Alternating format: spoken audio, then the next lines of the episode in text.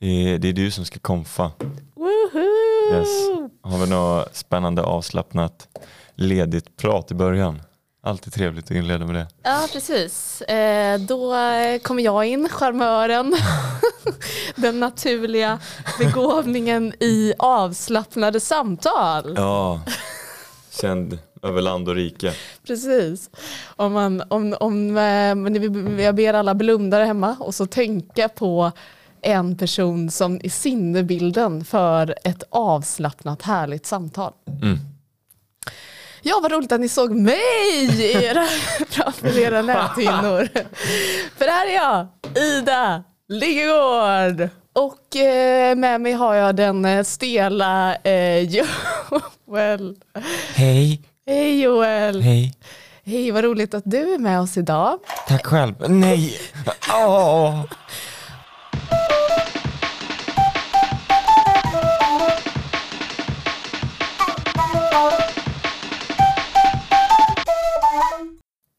Nej men eh, hej och välkomna till Joel och Ida gräver en grop. Hej.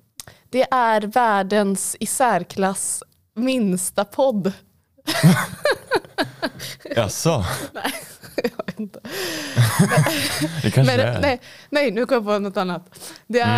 är eh, världens i särklass minsta podd jämfört med stora spaningar. Mm. Ja, min eh, Det- det jantelagskår, den eh, pillrar till, Ja. sa den. Eh, det är en liten podd där vi har lite små grejer, pratar om något. Mm. Tack för alla era donationer. Ja, shit alltså. Jag eh, har nu råd med min andra yacht. Ja. Den ska vara blå. Eh, du har ju köpt en lägenhet Joel, Ja. Shit alltså, tack. i Eh, Vasastan. ja, Monsanto. Vad betyder? Mo, Monsa, vad heter de? Monsanto. De som gav oss två miljarder. Ja, ja, ja, ja, ja just det, de precis. som älskar Förlåt. GMO-växter och grejer. Exakt, tack till Det er. säger vi inte. Nej, Då nej, de nej. arga. Ja, precis. Utan eh, vi står helt bakom alla era eh, sjuka experiment på grödor. Mm. Nej, men eh, på riktigt, tack, eh, tack Yoda. Fan schysst alltså. Och tack mamma. Va? Ja, Jag har inte fått några pengar av din mamma. hon swishade till mig. Nej. Och så pratade henne i telefon så sa hon du får väl eh, känna om du vill ge eh, hälften till Joel Ja. eller om du ska låtsas som att du inte har fått det och ta dem själv. Hur känner du nu när du har tagit upp det? Nu känner jag, ja, jag får väl ge, det- ge dig hälften. Eller så kan du köpa folköl för den slanten. Ja, och ge dig folköl istället. Ja. Just det. Ja, det kan jag göra. Mm, Ja, det säger vi. skål. Skål. Uh, ska jag inte försöka ha så jävla glad röst idag? Är du, är du självmedveten? jag blev lite självmedveten kring det. Alltid lika kul med någon som neggar. Precis. Det är alltid skönt när någon sätter fingret på ens brister så man kan gå runt och tänka på dem hela tiden. Ja. Sen om typ sju år så har man inte blivit bättre men man har bara vant sig vid dem och så är man likgiltig till dem. Mm. Mm. Är det det som händer? Just Exakt. Det. Var någon som sa någon gång i ett YouTube-klipp, jag tycker det var så jävla lökigt men eh, fint på något sätt. Mm. Och det är att det som eh, de hatar med dig från början är det som de kommer sakna sen när du försvinner. Åh. Ja. Ja. Jag tänker på Zizek, Ja. hans jävla tics. Ja. Fy fan, jag kunde inte kolla på någon så föreläsning av Zizek för att jag kunde inte fokusera på något annat än när han höll på att snörvla sig. Ja. Och hans kapitalism. ja, men det är supercharmigt alltså. Ja, verkligen. Jag älskar skiten nu. På mitt jobb Mm. i personalrummet finns det en eh, tavla Mhm. där det står Du behöver inte vara tokig för att jobba här, men det underlättar. Mm. Rolig. Så rolig. Ja. Det är så gött. Man bara ser verkligen så här, chefen sitter på kontoret Mm. tillbakalutad i sin stol och sen ah, jag kommer på det, jag har satt fingret på exakt vad det är som gör just den här arbetsplatsen unik. Och det är att alla är lite tokiga. ja. Fy fan. Men vad känner du över tavlan? Jag, eh, jag känner ett äckel. Okej, för att du tycker att det blir liksom, usch. Den är så jävla lökig. Ja, lökigt. Ja. Ja. Alla sådana här eh, olika sammanhang man varit i har ju haft sina egna mer eller mindre unika sätt att identifiera sig själv på. Och allt som oftast kan man ju känna en olust i att gå med i det. Mm. Kan du känna igen dig?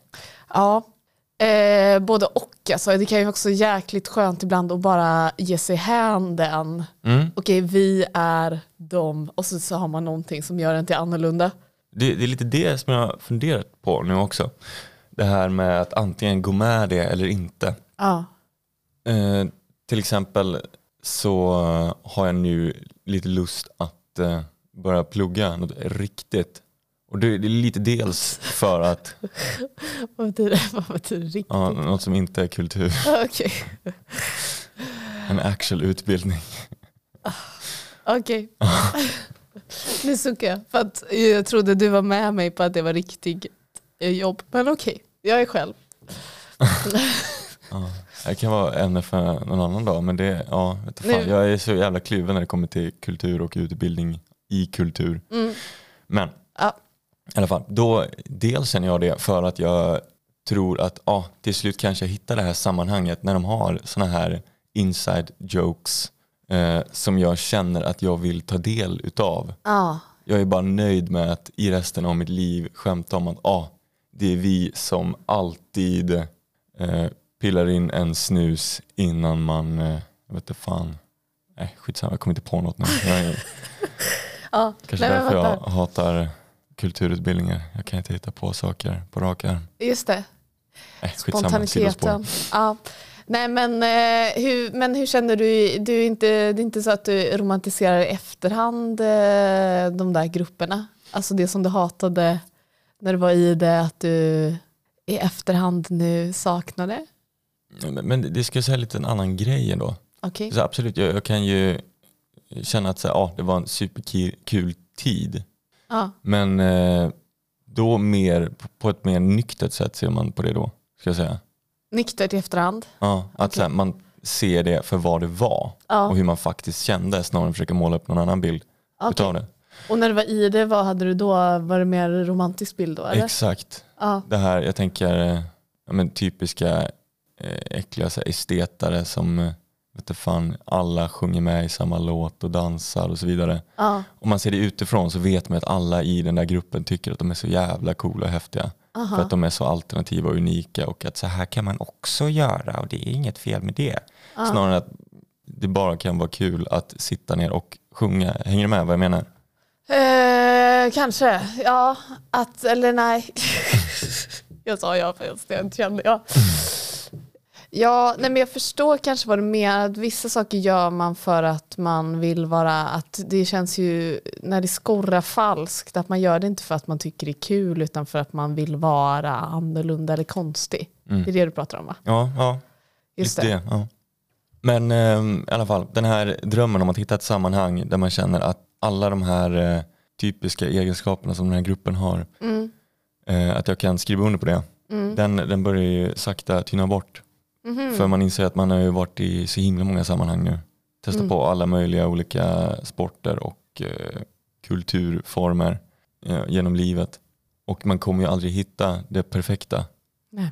Så är det bara dags då att när jag ser den här eh, bilden i personalrummet att bara tänka att ah, jag är lite tokig. Ja, Vi är så tokiga här. ja. Oj oj oj. Ge dig hän bara. Ja. Gå med i det. Se vad som händer. Men det är också det att det går liksom inte. Nej, men det är för att det inte känns sant då ju. Ja. Hur gör man? Eh, men jag upplever ibland att, att jag hittar i grupper där det känns sant. Alltså att det känns inte spelat. Eh, och vad beror det på? Ja, det vet jag inte.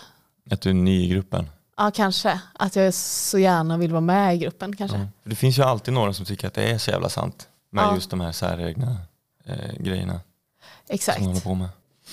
Jag tänker på eh, en sociolog Mm. eh, som heter Goffman som pratar om liksom, eh, att man hela tiden spelar roller. Mm. Eh, och i grupper också, att man har liksom grupproll och så. Eh, han pratade som att man har en front stage och off stage roll. Mhm. En roll man spelar i gruppen utåt mot andra grupper. Som man visar upp, liksom, vi är såna här. Mm. Eh, vi är annorlunda på det här sättet. Och att, att det är ett sätt att spela liksom, rollen som, eh, som teaterelev typ. Och sen så finns det ett annat offstage-sätt. Så menar man är bara själva, då behöver man kanske inte hålla lika mycket upp de här eh, Mm. tydliga som gör en annorlunda. Just det. Så det, det är så- alltså då den här on-stage uppvisningen Ja, att man visar som man stör sig på. Kanske. Eller det han menar också då är att ibland så tror man på rollen man spelar. Mm. Att man alltid spelar roller då. Alla, alla olika sociala situationer man är i är en roll man spelar. Och ibland tror man på rollen man spelar. Och då känns det inte så mycket som roll. Mm. Tro, alltså då känns det som att det här är jag. Liksom. Som, nej, det här är autentiskt eller någonting. Mm. Men ibland så, så hamnar man i att man inte riktigt tror på rollen, man är inte övertygad. Mm. Och då eh, kommer du att känna det där som du känner. Att det bara är spelat. Okej. Det är falskt liksom. Mm. Och det blir tydligt för dig då att det är en roll. Mhm. Så um, gav han något recept på hur man slutar och bara ge sig hän? Alltså han menar ju, han menar ju då att det bara kommer vara så att ibland tror du på det, ibland tror du inte på det. Okej, så man kommer alltid leta nya sammanhang. I början så går man med på rollen och sen allt eftersom så försvinner den och sen letar man en ny och så är det bara en eh, oändlig cykel utav det. Ja men kanske. Jag tror kanske han menar också att, eh, viss, att man trivs också i vissa roller. Vissa roller kanske du tror på ganska mycket. Mm. Eh, och behöver inte kanske bli så mycket så att du känner det här är bara en roll vi spelar. Mm. Men det handlar väl om att tro, ja hur gör man för att hitta de rollerna man tror på? Det vet inte jag. Ja. Jag, jag kan känna en, an, en stor anledning till att man eh, ser, liksom, börjar se hål på sin roll Mm. är ju när man känner att man på något sätt står över det. Ja men exakt. Då börjar det skorra falskt. Under den, jag är bättre än det här, är det det? Ah, Okej. Till exempel, jag jag har kollat massa videos med eh, så här, någon civilingenjör som snackar om hur det är att vara civilingenjör. Mm. Då håller han på hela tiden dra massa skämt om hur det är. Eh, menar att så, ah, civilingenjörer de är alltid likgiltiga till allting. Mm. Förutom när man är klar med ett projekt, då blir man lite glad. Mm. Sen är det bara in igen i den här likgiltigheten. Om man hade varit sju år gammal hade man tyckt att det var jättehäftigt. Åh, vilket, vilken jävla grupp. Mm. Eh, vilken eh, tydlig, eh, tight grupp. Alla liksom tänker samma sak. Mm. Sen vet man att själv om man hade pluggat till civilingenjör, Mm. man hade kanske känt det när man pluggade, sen efter ett tag så hade man tyckt att det var bara löjligt att hålla på och snacka på det sättet. Mm, just det. Nej, men jag tror ju att det är lättare att, att liksom tro på en roll i en ny grupp som du säger. Mm. Eh, för då kan man bli liksom nyfrälst och förälskad i liksom den gruppens identitet och så. Mm. Så det kanske är bra recept att hitta nya grupper att gå in i. Sen finns det ju vissa grupper som är väldigt karismatiska och duktiga på det där. Sekter. Ja, till exempel. Ja. Och sådana, ja men kanske nazistgrupper brukar också vara ganska bra på det. Skapa en stark enhet där vi liksom, vi och dem och sådär. Sekter och eh, nazism, eh, jag tänker att det är väldigt, väldigt starka medlemmar i det. Ja, väldigt hård struktur. Det är mycket svårare, tänker jag, att vara på botten i ett nazistgäng och känna sig coolare än toppnazisterna. För att de är så mycket hårdare. ja, Jämfört med en teatergrupp när alla är lite, lite fjantiga, lite töntiga. ja. Så att, Eh, hitta dig en riktigt hård grupp. ja ja, för då kommer du inte kunna känna att du är bättre än dem. Precis. Mm. Det är sant. Det är nog bra. Eller liksom en grupp där du får mycket bekräftelse tror jag. Att du känner dig viktig och behövd, kanske upplyft av gruppen. För att då blir den också väldigt viktig för dig. Ja. Skulle kunna vara så i en teatergrupp också, att du får väldigt mycket liksom, en identitet där och kanske blir lyft som så här, all, du blir väldigt omtyckt eller något. Ja. Får hög status i gruppen. Men man kan ju ändå känna att så här, till exempel när jag var simtränare, Mm, sådana kids, de avgudade ju mig. mm, jag fick ju väldigt mycket respekt och bekräftelse utav dem. Mm. Men jag känner ändå jag, jag vill ju liksom inte umgås med dem mer än, eh, mer än jag behöver. Nej, precis. Just för att jag känner jag att jag står över dem. Just det. Och det är också, jag vet inte om jag ska gå in i detta, men eh, då tänker jag på eh, Hegels herre-slav-dialektik. Mm. Eh, känner du till Hegels herre-slav-dialektik? Vad är det? När två personer möts blir en herre, en slav. Och eh, herren vill se, man, man ser sitt värde i andra. Man vill få erkännande Ja. eh, och eh, herren är beroende av slaven för att få erkännande. Och, men, och då behöver eh, slaven erkänna herren som herre. Men det erkännandet är inte värt någonting för att det kommer inte från en eh, fullt erkänd människa. Mm. Utan det är från en slav och då blir erkännandet eh, overksamt. Eller vad man säger. Mm. Tänker jag att det är det. Men dina, de erkänt dig som herre. ja. Och deras erkännande blir då inte värt Mm. så mycket. Hur är det att vara slav då? Jag vet inte. Jag kommer inte ihåg. Nej, men han menar väl att man har liksom ganska mycket makt egentligen som slav. Att för att utan ditt erkännande så blir det inte någon herre. Men man har också underställt sig och man erkänns ju inte som fullvärdig människa. Men jag kan tänka att vara i det, vara slaven. Eh, Det finns något gött i det. Det finns så tydliga riktlinjer. Du kan ju alltid göra någon slags uppror eller som motstånd Ja. som gör dig kanske till herre. Det finns en utvecklingspotential. Men man blir också kanske piskat, piskad och spottad på. Ja.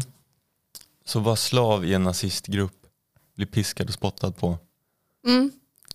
De här jättetydliga inside jokes. Ja. Som du ibland kanske får, eh, alltså är med på. Mm. Och ibland när du drar så bara någon lappar till dig skithårt. Mm. Så du känner att du, vad fan nu gjorde jag fel. Ja, det känns som, då håller man ju sig sysselsatt mm, mycket, mycket länge. Ja. Och försöker liksom förstå så här, oj, ja, för gruppens normer. Exakt. Mm. Det är en framtid. Det är, det är onekligen en framtid. Bra eller dålig, jag vill inte värdera. Du vill inte det? Men jag kan konstatera att det är en framtid, det är det. Jag tänkte på häromdagen när jag var hemma.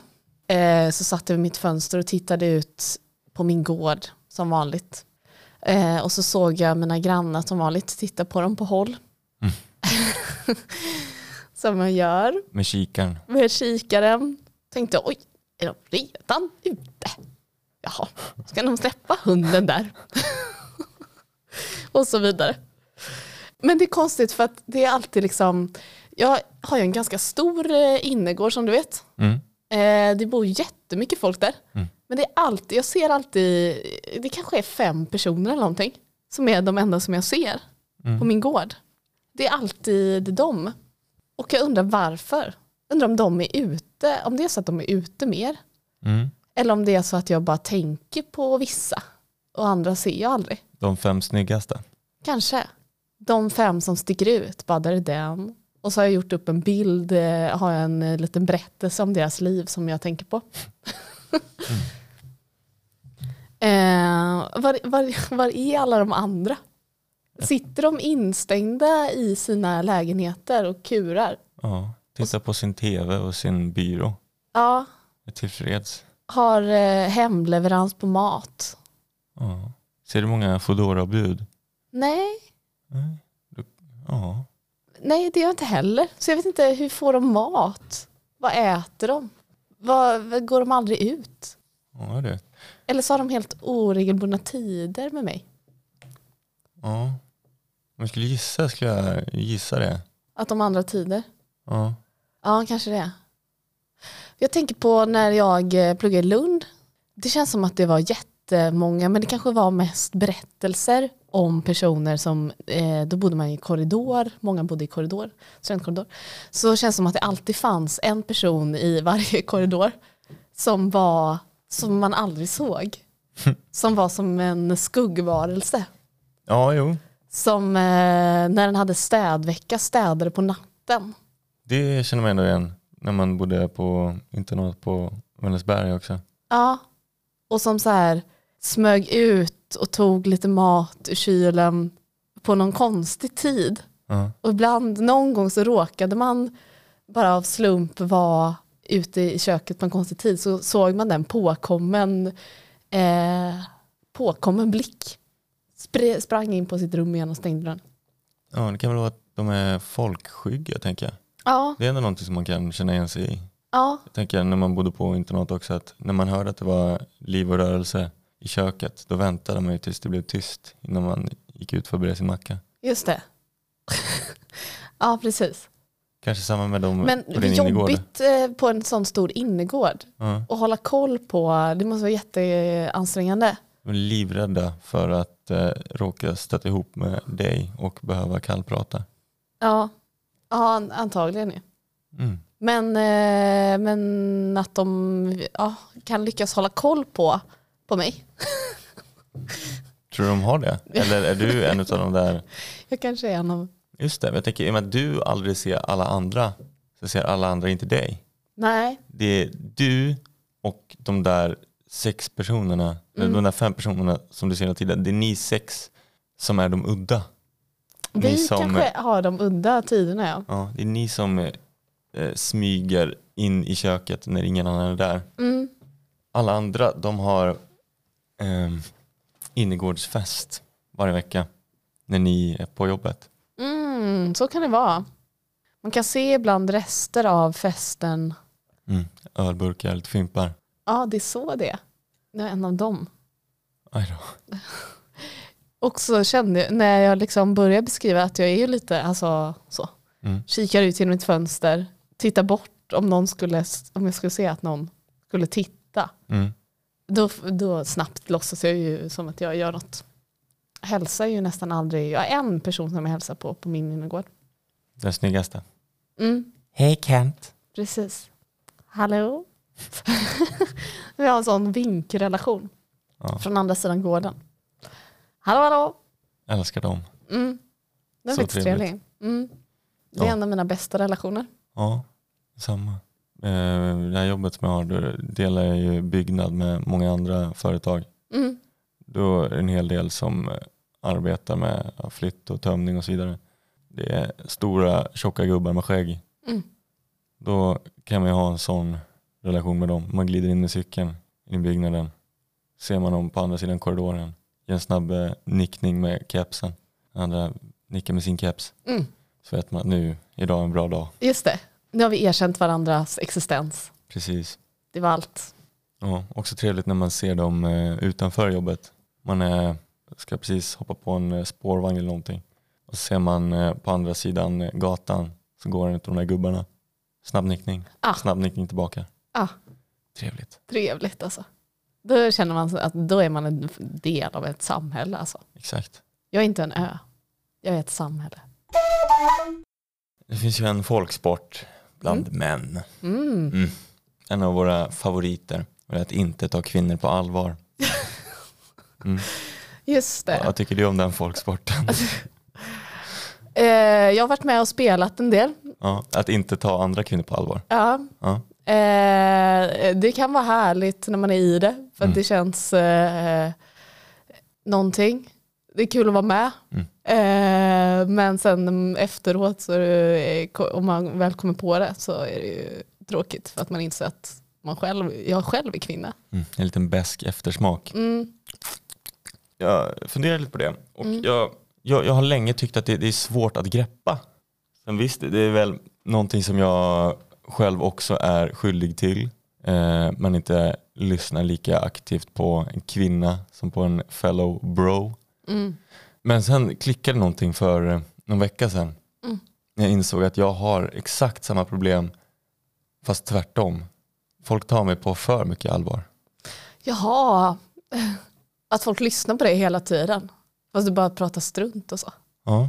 Jag tycker Ja. om att eh, ibland bara gå på tomgång, säga saker. Mm. Men du har också så mörk röst. Men är det bara det?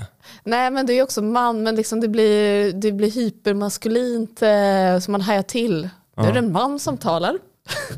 Ja. Bäst vi lyssnar. Ja, ju, ja det, det, jag tror absolut att det kan liksom ligga bakom det. Men eh, så jag, jag tänker så här. Mm. Istället för att börja ta alla på allvar, börja lyssna på alla, Mm. Kan vi inte bara ta ingen alls på allvar? Mhm. Hade inte det varit en lösning? Det låter, eh, det låter käbbligt. Ja, Om man inte lyssnar på, ingen lyssnar på någon. men det känns som eh, god stämning. Nu, nu kanske gräset är grönare på andra sidan, Mm. tänker jag. Mm. Men gud vad skönt att bara få dra något riktigt, riktigt dåligt skämt Mhm. och att ingen tar mig på allvar. Mm. Jag, har nu problemet att om jag säger något lite små ironiskt så vänder sig folk mot mig och tror att det är sant. Ja, det tror inte det har med röstläge att göra. Eller, Kan vara det. Alltså någon slags eh, finess i. Vi har också det problemet ganska ofta. Ja, Att folk inte förstår eh, min ironi. ja. Jag tror att det har, har något med, det finns ett finlir där i rösten som, eh, som går att jobba med. Ja, ja. Men också det, lite annat problem när det kommer till ironi också. Jag tycker att den är som bäst när den verkligen är precis där på gränsen mellan är det här ironi eller är det sanning? Mm. Exakt. Ja, för det är det som är med ironi, att det är roligt när man säger det som att det är sant. Mm. Men då är det lätt att misstolkas ju. Mm. Speciellt i grupper där man inte riktigt eh, har så tydliga gemensamma normer kanske. Ja, precis. För vad som är sant och inte. Ja, nej men ta alla på mindre allvar. Ja. Mm. Hade inte det varit lite befriande, tänker jag? Jo, eh, lite. Ta sig själv på mindre allvar tänker jag på ibland. Det hade varit lite skönt Ja. också. Men eh, det som blir tråkigt då, det är lite härligt att ta någon annan på stort allvar. Mhm. För att, eh, att verkligen så ta in det den säger och kanske drabbas av det och så. Kan du inte bara ersätta det med en riktigt god macka? Istället för att lyssna på folk och bli påverkad Ja. kan man bara bli en macka som är riktigt god. Mm. Och sen Ja. så fortsätter man snacka skit, ingen lyssnar på någon. Det är så helande bara när någon också lyssnar på en själv och tar det man säger på allvar. Mm. Det kan ju vara så skönt. Ja, men jag kan ofta känna att så här, de eh, grupper som man trivs bäst i, Mm. det är de grupper när ingen tar det man säger på allvar. Kan inte du tycka det?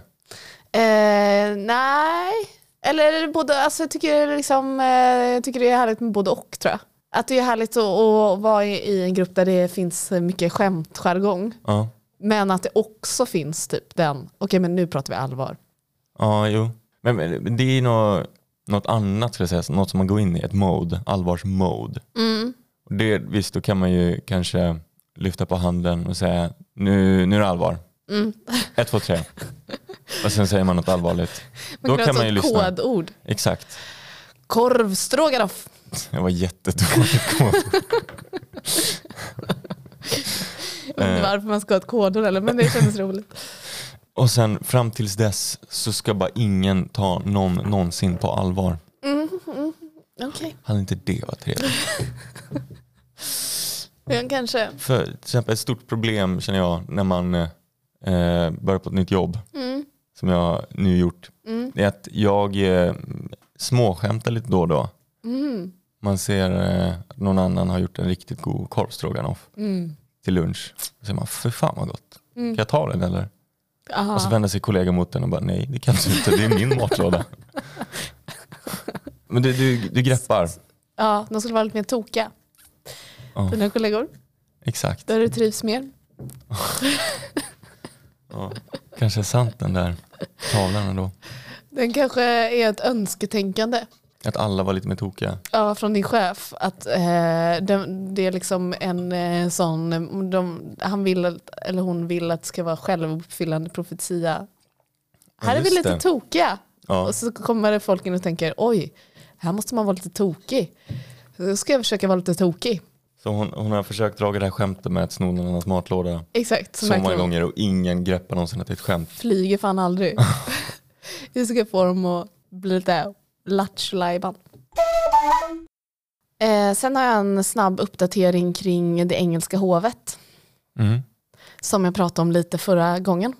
Nu har ju eh, prins Philip dött, Just det. som du kanske vet. Mm. Han blev 99 år. Mm. Det känns snopet alltså. Fan vad nära det var. Ja, just det. 100. Nära hundra. Är inte det en eh, liksom milstolpe ändå? Jag blir hundra år gammal. Ja. Ja. Eller det känns, jag vet inte, det känns otillfredsställande med 99.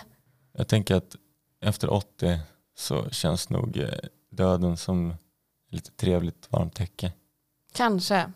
Kan inte bli för tidigt, Ja, föreställer jag mig. just det.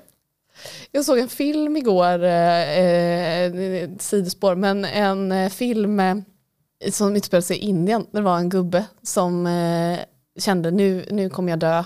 Mm. Och då åkte han till Varanasi, eh, till Ganges där. Att de har en sån tra- tradition liksom. Mm. Eh, och de verkar ha så himla härlig relation till döden. Eller bli avundsjuk. Att han bara, men nu är det dags för mig att dö. Mm. Och så åker han dit och så eh, välsignar han en ko och har lite olika ritualer för sig. Eh, och så ska han dö där vid den heliga platsen. Och verkade ganska tillfreds med det. Mm. Och att de hade också någon sån sång i, eh, i själva begravningsceremonin som, var, som jag tolkade som att, eh, att, det var, det, att det är skönt för, hon, alltså skönt för honom att gå vidare. Mm. Eh, och att det, det sorgliga är för de som är kvar egentligen, som sörjer honom och så.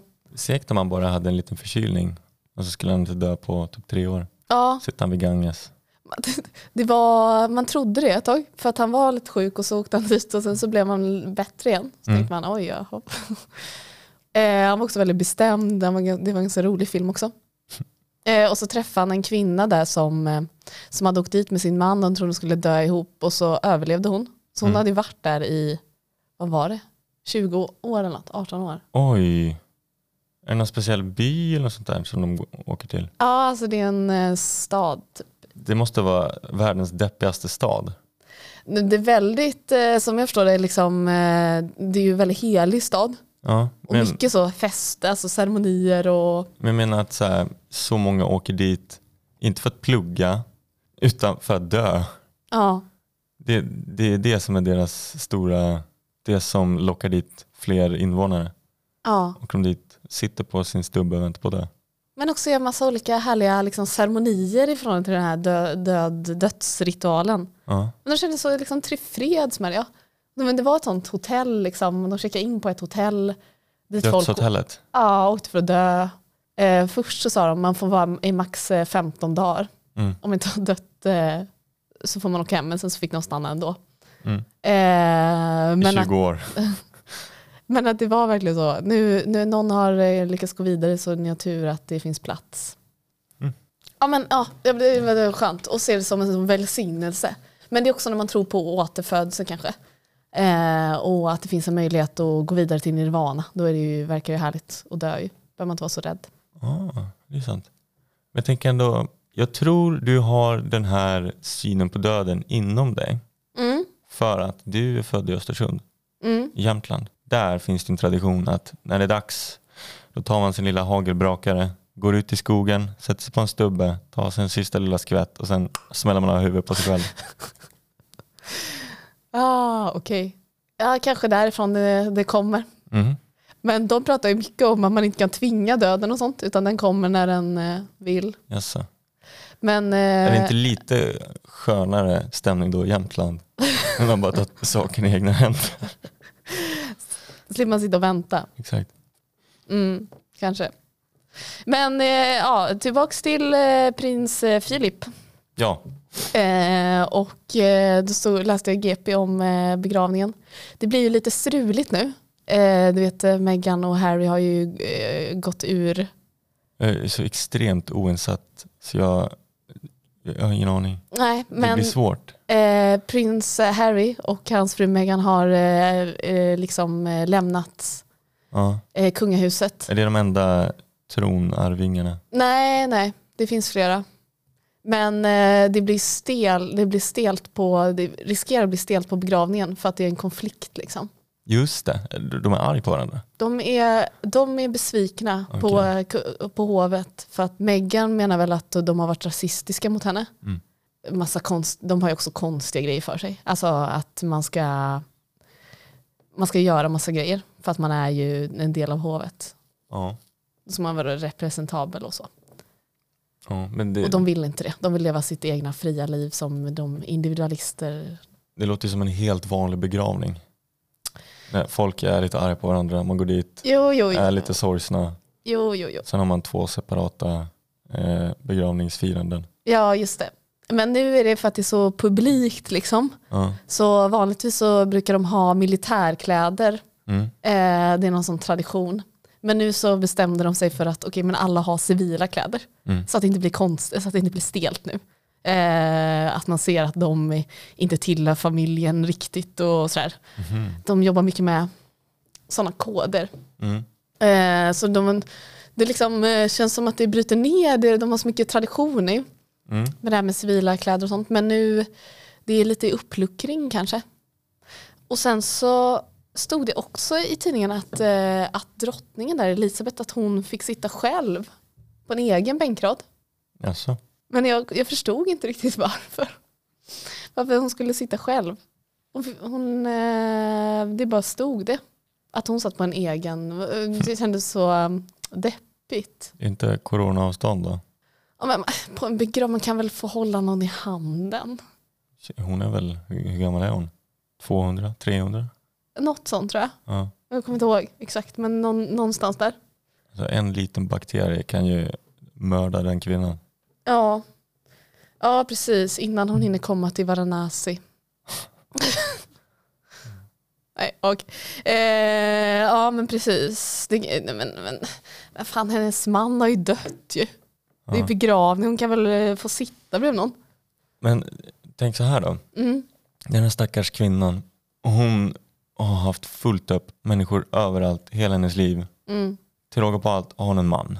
Mm. Den här mannen är överallt också. Mm, mm. Där inte alla paparazzi är. Mm. Nu äntligen dör han. Nu kan de få lite jävla lugn och ro.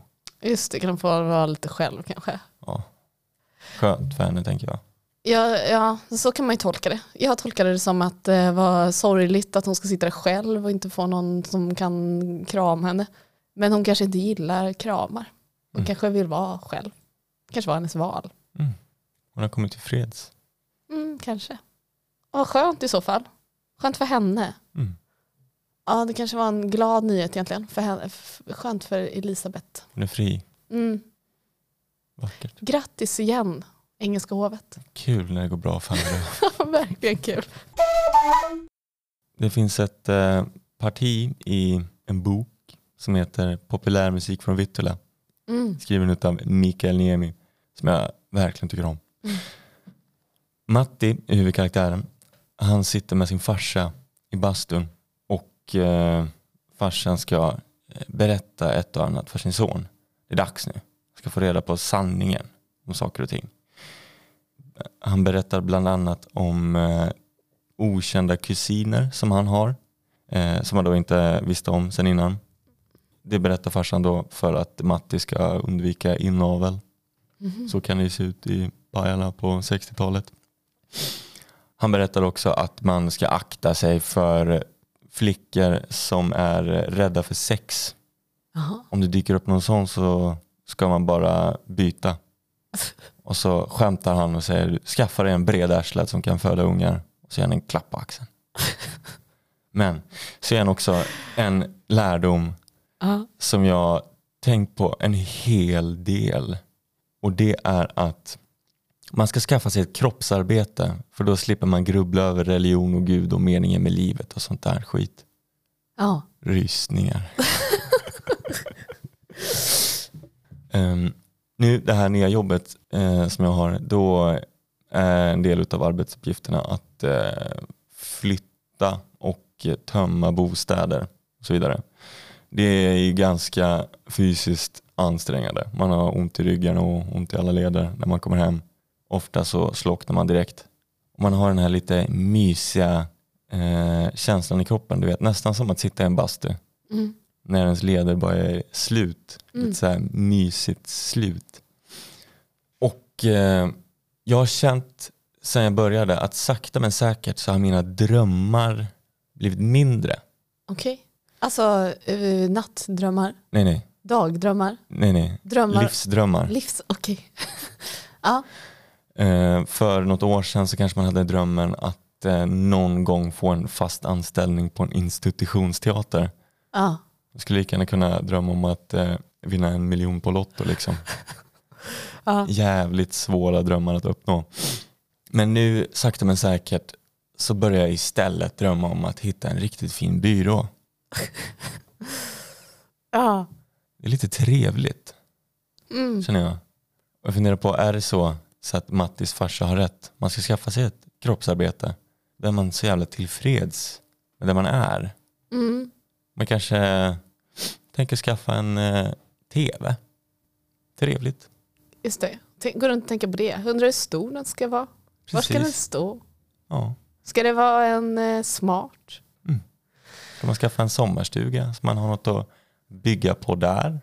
Ja. Och då de här lediga sommardagarna kan man också arbeta ihjäl kroppen så att man somnar i sängen 8.00. ja. Det låter ju lite deppigt på något sätt. Ja. Jag har eh, under gymnasiet mått väldigt mycket skit över att eh, ja, det här typiska som alla svarta svåra pojkar går igenom. Eh, ekorrhjulet känns så himla tragiskt. Mm. Man arbetar eh, åtta till eh, fem, är trött när man kommer hem, lagar lite mat, kanske knäpper någon bärs, sen somnar man och så gör man om allting om och om igen. Då Mm. bor man i ett radhus, man har två äckliga ungar. Så gör man det i 40 år tills man tar pensionen och sen sitter man bara där och väntar på att dö. Mm. Tragiskt, mörkt. Mm. Men nu känns det lite trevligt. Jag, jag kan fatta varför så många, eller jag, jag kan fatta varför alla som arbetar lever så. De har Mm. en liten charm i sig. Och bara har riktigt små drömmar. Ja. Vara tillfreds med det man är. Det, låt, det är skönt, låter skönt att inte vilja någon annanstans. Det är väl det, att, att vara nöjd med där man är kanske. Mm. Men ja, det låter ju också lite eh, ja, deppigt. Jag tänker mig att det kommer gå över. Ja, det kanske det gör.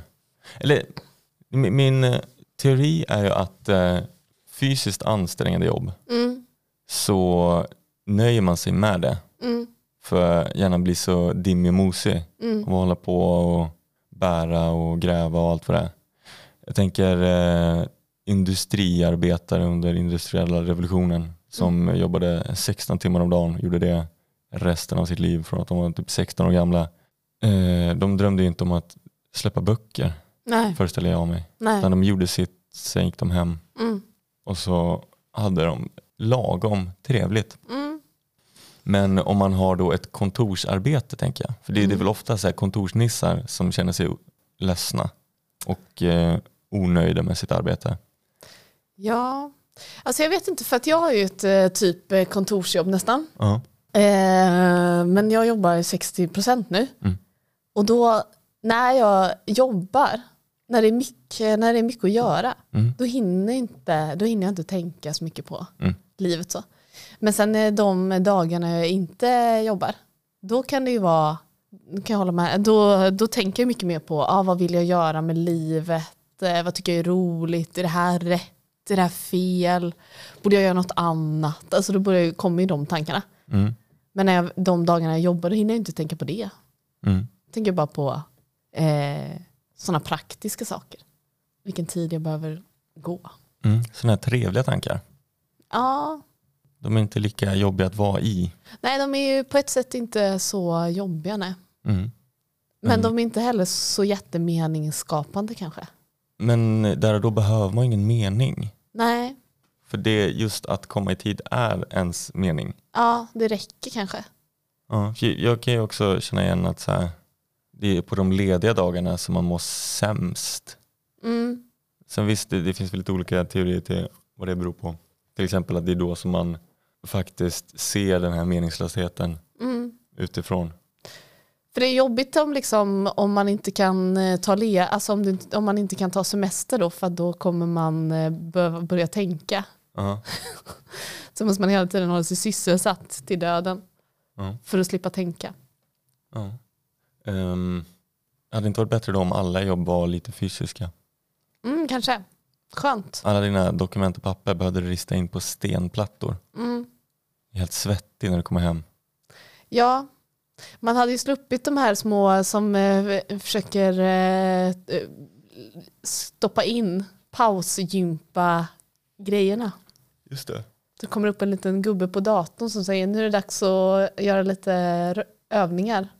Va? Har du så? Så har jag. Vad udda. Eh, och så kan man eh, trycka bort den om man vill men ibland så kan man trycka fram den och då kanske den så här rullar på axlarna och så. Mm. Så bara gör det här i tio sekunder och sen så ska du lyfta på benen. Mm. Kanske det är så att eh, det är cheferna som har läst populärmusik från Vittula Mm. och de vet nu att om man låter sina arbetare vara trötta i kroppen så orkar de inte fundera och kontemplera och grubbla och då blir det inte mycket käbbel. Nej, det skulle behövas lite tyngre övningar är, mitt enda, det är min enda eh, feedback till cheferna. Mm. Så att de kan kontrollera det bättre. Ja, så jag kunde känna mig utpumpad och nöjd. Ja. Lite hantlar och grejer. Ja, precis. Ja, eh, det här är i alla fall en eh, teori jag har till varför jag börjar eh, bli mer tillfreds med eh, meningslösheten. Mm.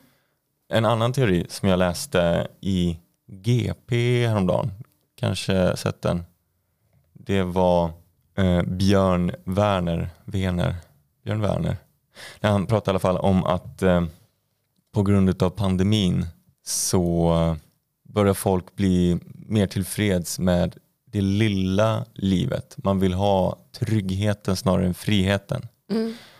Eh, hans eh, berättelse i den krönikan är att många svenskar nu antagligen hade trivts rätt så bra i Östtyskland. Mm. Han pratade till exempel om att eh, i Östtyskland så var det ungefär bara 30 procent som eh, eh, stöttade regimen och att eh, det var ungefär dryga 50 procent som eh, bara var fine med att flyta med. Mm. Och det är väl där jag är nu, en del av de där 50 procenten. Jag är så jävla fine med att bara flytta med. Mm. Man eh, värderar att eh, köpa en fin liten byrå snarare än att eh, grubbla över grejer. Ja men precis. Mm, precis. Det kanske handlar om att man ska hitta något eh, sätt att göra de här tråkiga sakerna så att det ändå känns eh, okej. Ja, e- eller eh, nu då i pandemins fall att det måste råda en otrolig otrygghet. Ja, så det, det funkar ju också. Ja, det är det som var hans poäng. Många har blivit av med jobbet. Mm. De som har sitt jobb de håller fast i det. Mm. Eh, ja, tittar ner i golvet, gör Mm. inte så mycket väsen av sig. Mm. Gör sitt, åker hem och tittar på sin nya fina tv. Just det. Ja, för jag vet när jag var i Kambodja, de har ju, hade, har ju haft eh, fruktansvärt inbördeskrig eh, med eh, röda khmererna och så. Mm. Eh, upplevt väldigt mycket otrygghet. Eh, och sen så, eh, eller då vet vi prata om just deras typ demokratiska system eller att de har typ ett parti som, som faktiskt går röst på. Men, eller, eller, eller så, som är överlägset stort, störst. Men att folk är så, de är så, de är så, folk längtar så mycket efter bara trygghet. Mm. Man är inte så, um, det inte, spelar inte så stor roll, så här, kanske större visioner om ideologisk förändring, bara det inte är krig. Mm. Bara man liksom kan få ha tryggt med sin familj och eh, ja, man kanske har ett jobb. Mm. Ja, att, att när man, när, ja, som du säger, när det varit en stor, när man är en stor kris, att det, man bara vill bara ha det lilla i livet. Kan du tänka dig då vad trevligt alla kommer ha det när miljökrisen gjort sitt? Ja, Jag tänker eh, då kommer väl antagligen många av de här udda eh, fan säger man? De här lite mer udda arbetarna som att vara yogainstruktör, som att äga en glassbar, som att sälja halloweenpynt i en butik. De kommer ju antagligen eh, ryka rätt så fort och det Mm. blir- handlar mer om eh, att hålla igång infrastruktur, eh, se till så att människor har mat på bordet. Mm. Sådana här eh, fysiskt krävande arbeten. Mm. Tänk då, Vårda folk och så kanske. vilket trevligt recept på trevlighet. Först och främst är det otryggt Mm. och sen så måste man anstränga sig jävligt mycket. Så med det sagt, låt bilen stå på tomgång. Just det. Elda på miljökrisen så kommer vi ha det jävligt så trevligt. blir det jävla mysigt sen. Ja, jag eh, gjorde då en lista över, eh, jag tänkte på, eh, vi har inte spelat in på två veckor, Mm. vad har hänt egentligen Mm. under de två veckorna? Eh, så skrev jag en, en lista på vad det känns som att det har hänt. Och det som det känns som att det har hänt de här två veckorna är ju att det känns som att Soran har eh, våldtagit väldigt många va? Mm. Ja, Nå, jag tror någon sa det någon gång. Mm. Ja. det, det känns det som att det, har- det har hänt. Ja. Soran, låter bekant. Ja. Tror jag kanske har hört någonting om det. Och så känns det som att eh, Göran Lambert eh, är en sliskgubbe. Ja, Det känns som att det har hänt också. ja jo. Och sen så kändes det som att, eh, eh, som att Aftonbladet försöker hetsa folk till att få anorexia. Det har jag missat. Okej. Det var någon artikel eh, om eh, att en, nu kommer jag inte ihåg vad, vad hon var, någon modell kanske eller skådespelare eller någonting hade dött i anorexia. Mm. Och så på samma uppslag Mm. så var det den artikeln och så nedanför stod det, var det en artikel om hur du tappar 10 kilo. En ny diet. Alltså någon på Aftonbladet hade riktigt kul när de satt de där två artiklarna bredvid varandra. Ja, precis. Eh, mm, det blev så himla övertydligt. Ja. Eh, så det var ju ganska roligt. Och såklart eh, fruktansvärt och sådär. Eh, då tycker jag väl ändå så här, för den artikeln hade ju, om den hade skrivits en vecka innan så hade den gått förbi obemärkt. Kanske Ja. någon som hade varit lite arg på Twitter. Det är väl bara gött att man får det svart på vitt att ja, Det blir tydligt att det är en del av samma system liksom. exakt. Mm. Det, hade, de, det var någon som gjorde det väldigt tydligt för alla vad de gör där på Aftonbladet. Och det kanske var en kroppsaktivist som placerade den under. Mm, I så fall kanske. jävligt smart move. Mm. Tack. Jaså? Nej, alltså, tack till kroppsaktivisten. Och, eh, vad känns det mer som eh, att det har hänt? Eh, Det är väl att världen går under i corona. Det känns som att det går bättre nu, eller gör det inte? Ja, tycker du? Vad skönt. Ja. Ja. Eller jag har inte sett någonting som pekar mot motsatsen. Nej, Det, det rullar väl på typ. ja, det, vi simmar på i skiten bara. Ja, och så här, nu i eh, fredags cyklade jag runt lite. Varenda uteservering var ju smockfull. Ja, Nu får ju barnen lite klirr i kassan. just det. Det Ja, de, det som har, känns ju också som att det att våren är här, Ja. sommaren. de har varit de absolut grinigaste under hela jävla pandemin. Barägarna. Exakt, nu får de, eh, Mm. får de sluta grina någon jävla gång. Ja, nu får de det bra. Eh, och sen så känns det som att eh, Agnes Wold har återuppstått. Vad fan är det? Va? Vad har hänt? Jag är inte insatt. Nej okej, hon, är, hon, är, hon brukar prata om att bakterier inte är så farligt. Mm. Att man inte behöver städa så mycket. Mhm. Och eh, det stod, hon skrev mycket ett tag om det tyckte jag. Och sen så försvann hon. Men nu, nu, är hon- nu är hon tillbaka igen. Vad kul. Ja, det var härligt att se hennes eh, pigga ansikte igen. Man börjar nästan fundera va? Tänk om hon dog av alla bakterier. Exakt, man tänkte det. Men hon lever. Jag har glada nyheter. Agnes Wold är vid livet och eh, mer taggad än någonsin Mm. på att eh, sprida ut sitt budskap om att det inte är så farligt med lite smuts. Mm. Och sen så kändes det som att någon blev skjuten i USA också. Skräll. Ja, precis. Polisen är rasister i USA. Ja. Nej, men egentligen så är det ganska mycket att tugga på. Det var inte så mycket nyheter egentligen, men det är, det är ganska mycket som vanligt. Män kladdar och eh, våldtar. Ja, tar inte kvinnor på allvar. Mm. Vad för, förminskande av brott. Då tar de inte på allvar. Där gjorde jag det. Ja, precis. Eh, och Aftonbladet hetsar folk att eh, få ätstörningar och vi härvar på i corona. Mm.